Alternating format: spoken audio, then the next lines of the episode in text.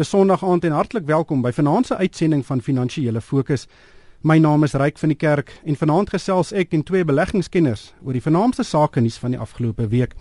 Saam met my in die ateljee is Driekus Kombrink van PSG. Goeienaand Driekus. Goeienaand Ryk.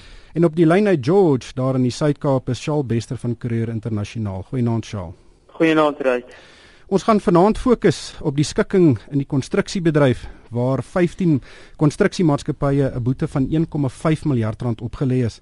Die markte het hierdie week ook deurgeloop onder voortgesette onsekerheid oor wat in Amerika gebeur. Ontleikende markte het die week verder teruggesak en die goudprys het tot sy laagste vlak in jare geval. En dan sal ons ook kyk na die arbeidssituasie in die mynbedryf en of daar enige vordering hierdie week was om daai situasie te besleg. Madrikus, kom ons begin by die konstruksiesektor. Die sektor is die week 'n boete van 1,5 miljard rand opgelê nadat mededingingsowerhede 'n skikking met 15 uit 21 konstruksiegroepe bereik het. Die maatskappye het skynbaar markte verdeel en geknoei om te bepaal wie sekere tenders sou kry en natuurlik sluit dit die bou van verskeie van ons wêreldbeker stadions in.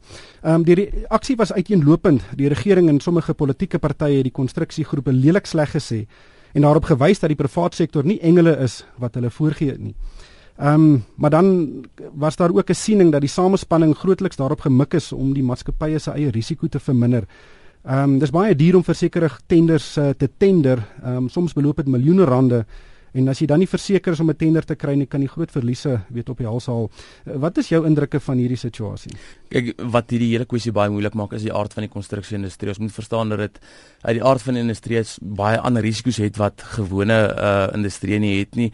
Moonbehalwe risiko's wat eie is aan die konstruksieproses en die tenderproses wat jy nou net genoem het, is daar ook die feit dat dit in sy aard 'n baie sikliese bedryf is. Um Ons het in die begin van die dekade het ons ehm um, gesit waar die industrie marges gehad het van die naaste by tussen 2 en 3% en dit gestyg na tussen 6 en 7% toe hier teen 2007 2008. Nou baie sou sê hoekom hierdie groei in marges wel van 'n baie lae basis af natuurlik En uh die feit is net dat daar te min kapasiteit was vir al die werk, vir al die voor die wêreldbeker en en in die groot infrastruktuur bestedingsprogram wat daai dit was. Maar 'n 7% marge is regtig nie baie hoog nie. Dit vergelyk met sommige van die kleinhandelaars. Uh, 7% is is iets wat hoër is van die kleinhandelaars. Uh, jy weet Shoprite en City so tussen 5 en 6%, maar die aard van Shoprite se besigheid is baie meer defensief, baie makliker besigheid in, in, in baie maniere as vir die konstruksiebedryf is. Sjoe, ons het ons het 'n situasie hier waar die regering nou lekker vinger wys na die private sektor en hulle van korrupsie beskuldig. In die private sektor is altyd ook baie vinnig om na die regering vinger te wys en te sê daar is groot korrupsie in die regering. Interessante situasie hierdie, né? Nee? Ja, reg en ek dink uh, bring ons terug aan jy gesegde het uh, die wat in glashuise bly uh, nie met klippe gooi nie. En en ek dink dit is baie moeilik. Dit is baie moeilik vir die private sektor. Ons het nou net gepraat van die marges. Jy het uh, marges van 7 is is uh, hoër as wat dit as wat dit in die in die verlede was. En en ek dink dis miskien um, waar hierdie maatskappye saam geknoei het om om dit op daardie vlak te kry en onvolhoubare winste gemaak het.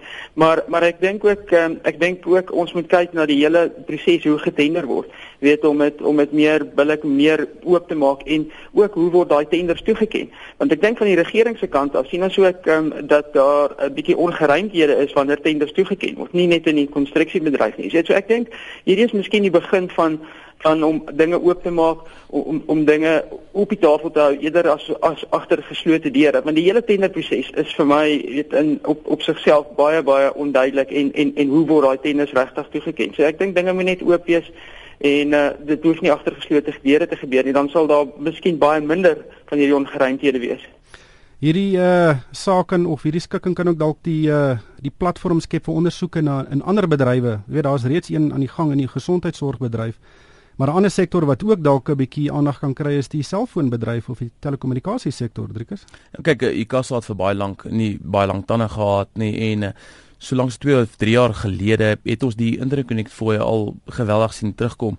Ehm um, marges op ons telekommunikasiebedryf is van die hoogste nog steeds in die wêreld. Op die oomblik het Celsius ingekom met 'n baie sterk noem dit 'n prysoorlog teen teen onder andere Vodacom wat een van die grootste plaaslike ehm um, diensverskaffers is en dan uittas ook natuurlik in die mark en ehm um, kom teen groot diskontos in teen wat ons gewoond is. Ek dink daar's baie spasie vir marges wat laer kan kom. Ek dink nie daar is enige kompetisie probleme nie. Ek dink nie daar is enige prysvasstelling tussen die tussen die klomp nie nie noodwendig nie.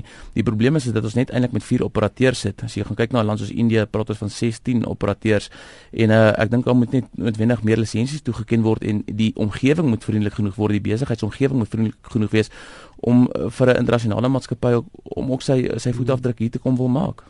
Ja, Charles net laastens weet hierdie ondersoeke na onmededingende gedrag is grootliks gemik daarop dat pryse nie vir verbruikers te hoog um, styg nie. Maar ons het 6 jaar gelede 'n soortgelyke ondersoek in die broodbedryf gesien. Ehm um, daar was groot boetes opgelê en daar was groot dit was amper 'n skande uh wat daar oop gekrap is. Maar vandag as ons kyk is die broodpryse 40% duurder wat baie groter is as in die inflasiekoers.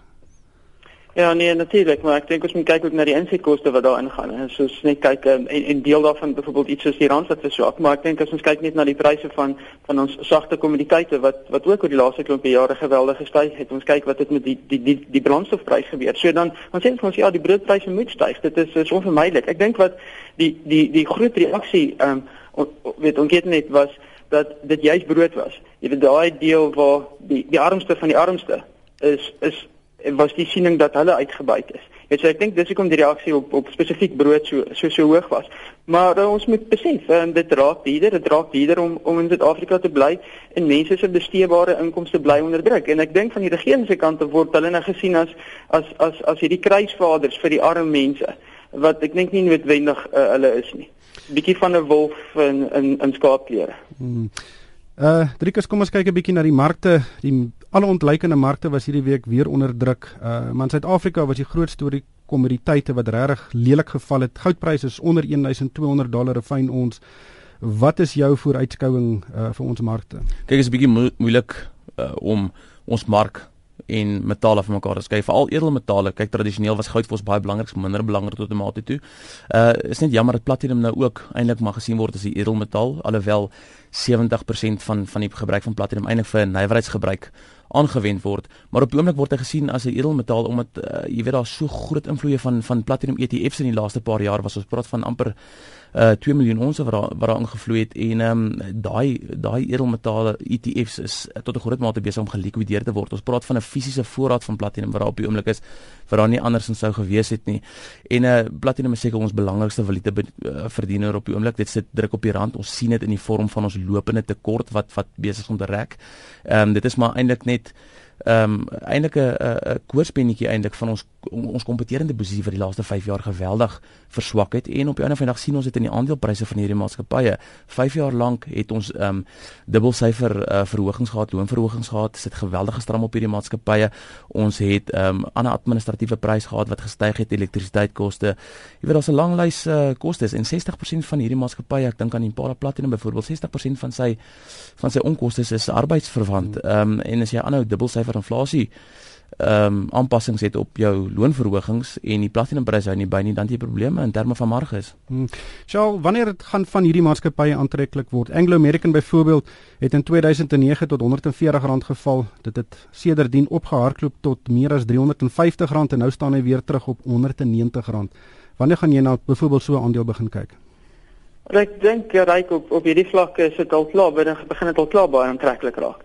Ehm um, ons ons keuse in die sektor is is nog altyd um, ehm, BHP Billiton. Jy weet jy's van weer die die kleiner blootstelling aan Suid-Afrika en die probleme eie aan Suid-Afrika. Maar ek dink op op hierdie vlak verseker en ek meen moet mense daarna begin kyk. As jy nie Anglo American in jou portefeulje het nie, dan um, dink ek nie jy gaan baie spyt wees 5 jaar van nou of as jy dit op 190 rand gekoop het nie. Weet wanneer dit gaan draai, gaan dit vinnig draai. Ehm um, ek dink net uh, mense dalk mismoedig geraak met die groot afskrywings, met die groot projekte waar dan miljarde dollars in belê is wat nog nie aanlyn kom nie en wat nog nie begin produseer en en en, en bydra tot tot kontantvloei nie. Ehm um, ek dink ehm um, die platinum bedryf is is onder geweldige druk. Wat die platinum bedryf moontlik mag red is dat ons met 80% van die wêreld se reserve hier sit. So as ons myne nie produseer nie, dan gaan dit veroorsaak dat die platinum prys styg en dan gaan hierdie myne weer um, weer winsgewend raak. Ons dink ehm um, Anglo Anglo Plat en en Bale Plat sit met baie baie goeie bates en, en uiteindelik gaan dit die die laagste koste uh, produsente wees wat wat gaan oorleef. So ehm um, jy weet uh, diamante wat ook die, die De Beers groep wat deel is van Anglo dink ons is 'n baie aantreklike bate. Jy weet dit bly elke jaar kontant vloei genereer. So daar's aantreklike bates. Daar's net negatiewe sentiment. en en en negatiewe markreaksie. Maar dis gewoonlik wanneer jy jou beste beleggings maak is wanneer almal pessimisties is, wanneer almal negatief is en wanneer hierdie aandele afgekoop word na vlakke toe wat dit 'n absolute winskoopie maak. Is dit op hierdie stadium 'n winskoopie? Dis dis moeilik om te sê, maar ek dink nie jy gaan baie ver verkeerd gaan as jy nou begin koop nie. Ja, jy sal praat oor 'n um, ehm, BSP Billiton wat baie goed gevorder het in vergelyking met Anglo American oor die internasionale blootstelling. Ons moet onthou dat as jy in breë trekke trek na kommoditeite, lyk dinge nie aantreklik vir die volgende 5 jaar nie. Ons het die laaste 10 jaar dekade het ons 'n geweldige stygings gehad in hulpbronpryse. Die ystererspryse het 900% gestyg in dollar terme. Is ongehoord van in reële terme is jy nie veronderstel regtig om kommoditeitsprysstygings te volhou nie. Ehm um, vir die 100 jaar voor hierdie dekade het ons geen reële uh, stygings eintlik gehad in kommoditeitspryse uitgestyg. Die oliepryse wat in die 70s uh, uh spiraal het nie. So uh, wat ons moet ehm um, dink aan in terme van kommoditeitspryse die laaste oor die volgende 10 jaar is dit nie herhaal gaan wees die laaste 10 jaar nie. 'n Maatskappy soos BHP Billiton wat grootskaals gefokus is op ystererts byvoorbeeld, ehm um, wil ek eerder nie in belê word nie of hy nou internasionale bestelling het of nie. Anglo American het 'n paar ander goeder wat vir hom kan werk waar BHP Billiton nie daai faktore het nie. So wat jy sê ons is dalk nou aan die bokant van 'n bullmark of ons het reeds al uh, begin afwaarts uh, weet die die afwaartse ten ehm um, trajectory soos die Engelsman sê ja, die, die, die, dis 'n dis 'n ander tendens gewees. Ek dink dit het lank gevat wel dit lank gevat vir die beleggingsgemeenskap om agter te kom luister hierso die kommoditeitsbulmark so te sê verby en wat kommoditeitspryse aanbetref is dalk 'n plateau vir die volgende 5 tot 10 jaar as nog baie ander projekte wat aanlyn kom wat 'n lae marginale koste van produksie het. Dit beteken hulle gaan nie die projekte gaan nie teruggetrek word nie. Jy weet ysterers is dalk 140 dollar per ton, maar hierdie projekte se marginale koste van produksie is dalk 40 of 60 dollar. Dit is nog steeds aantreklik in hierdie omgewing, maar ons kan nog vir die volgende 5 jaar op 150 140 dollar per ton sit. Daarom wil jy nie blootstelling hê aan 'n maatskappy wat bloot net 'n hefboom op die kommoditeitspryse is nie. Jy wil 'n maatskappy hê wat in wat aantreklik is vir ander redes. Sjoe, kom ons kyk. Ek sê net miskien daar kan inkom. Ek dink as mens kyk net in in die wêreld, ehm um, jy weet in die in die ont, ontwikkelde wêreld, kom ons noem dit maar die westerse wêreld, het die die hoeveelheid motors wat as 1 miljard mense 6 miljard motors. Jy weet as jy gaan kyk in die ontwikkelende wêreld, is daar 6 miljard mense, daar's 1 miljard motors. So ek dink die die vraag, die die toenemende verstedeliking in lande soos Indië en en en China gaan nie noodwendig net stop nie. Ehm um, ek ons glo dat daar 'n langer 'n langer termyn tendens is wat nog steeds 'n goeie vraag na hierdie kommoditeite gaan gaan skep. Ek stem saam met Rikus dat dit waarskynlik te vinnig te ver ge, gestyg het wat die kommoditeitspryse aanbetref en dat daar baie nuwe produksie aanlyn gaan kom. Maar ons dink nie dit gaan net wegval nie. Ons dink daar gaan nog 'n toenemende vraag wees en ons dink sekere maatskappye en en veral BHP Billiton met hulle lae koste van produksie is uitstekend geplaas om om om aan daai toeneem en daai vraag en daai groeiende vraag te voldoen. Trikkers, kom ons kyk nou 'n bietjie koöperatiewe nuus. Naspers het die week resultate aangekondig. Sy omset is vir die eerste keer 50 miljard rand. Dis dieselfde as Transnet. Ehm uh, sy wesensverdienste was 20% op. Uh uit uh, die groot nuus was egter dat sy internetbesighede regtig goeie winste begin toon het. En interessant genoeg, hy het 6,6 miljard rand se nuwe beleggings in nuwe internetbesighede gemaak. Hierdie is eintlik 'n geweldige suksesverhaal vir Suid-Afrika. Wel, ja, uh ons dit is een van die maatskappye, ons het baie van die beurs wat wat 'n baie sterk fokus in die buiteland geneem het en uh, wat Naspers anders te maak is is dat hy seker nou een van die grootste hy's eintlik 'n beleggingshouer maatskappy tot 'n groot mate toe dat hy seker die vooraanstaande beleggingshouer maatskappy is wat in ontleikende markte in die uh in die internet inhoud uh, jy weet 'n uh, era rond uh, arena rond speel. Dit maak hom aantreklik vir vir baie redes. As jy gaan kyk na internet inhoud uh wat genoteer is in die westerse mark nou praat ek van die Amazons, die Netflix en daai goedes. Nou praat ons van astronomiese prys-verdienste verhoudings want beleggers weet hierdie maatskappye ehm um, ploeg baie terug in in hulle in hulle portale en hulle platforms in. Ehm um, baie van hierdie terugploeg word nie as 'n kapitaaluitgawe gesien nie, maar as 'n as 'n lopende uitgawe gesien en daarom is die wins dalk baie kleiner.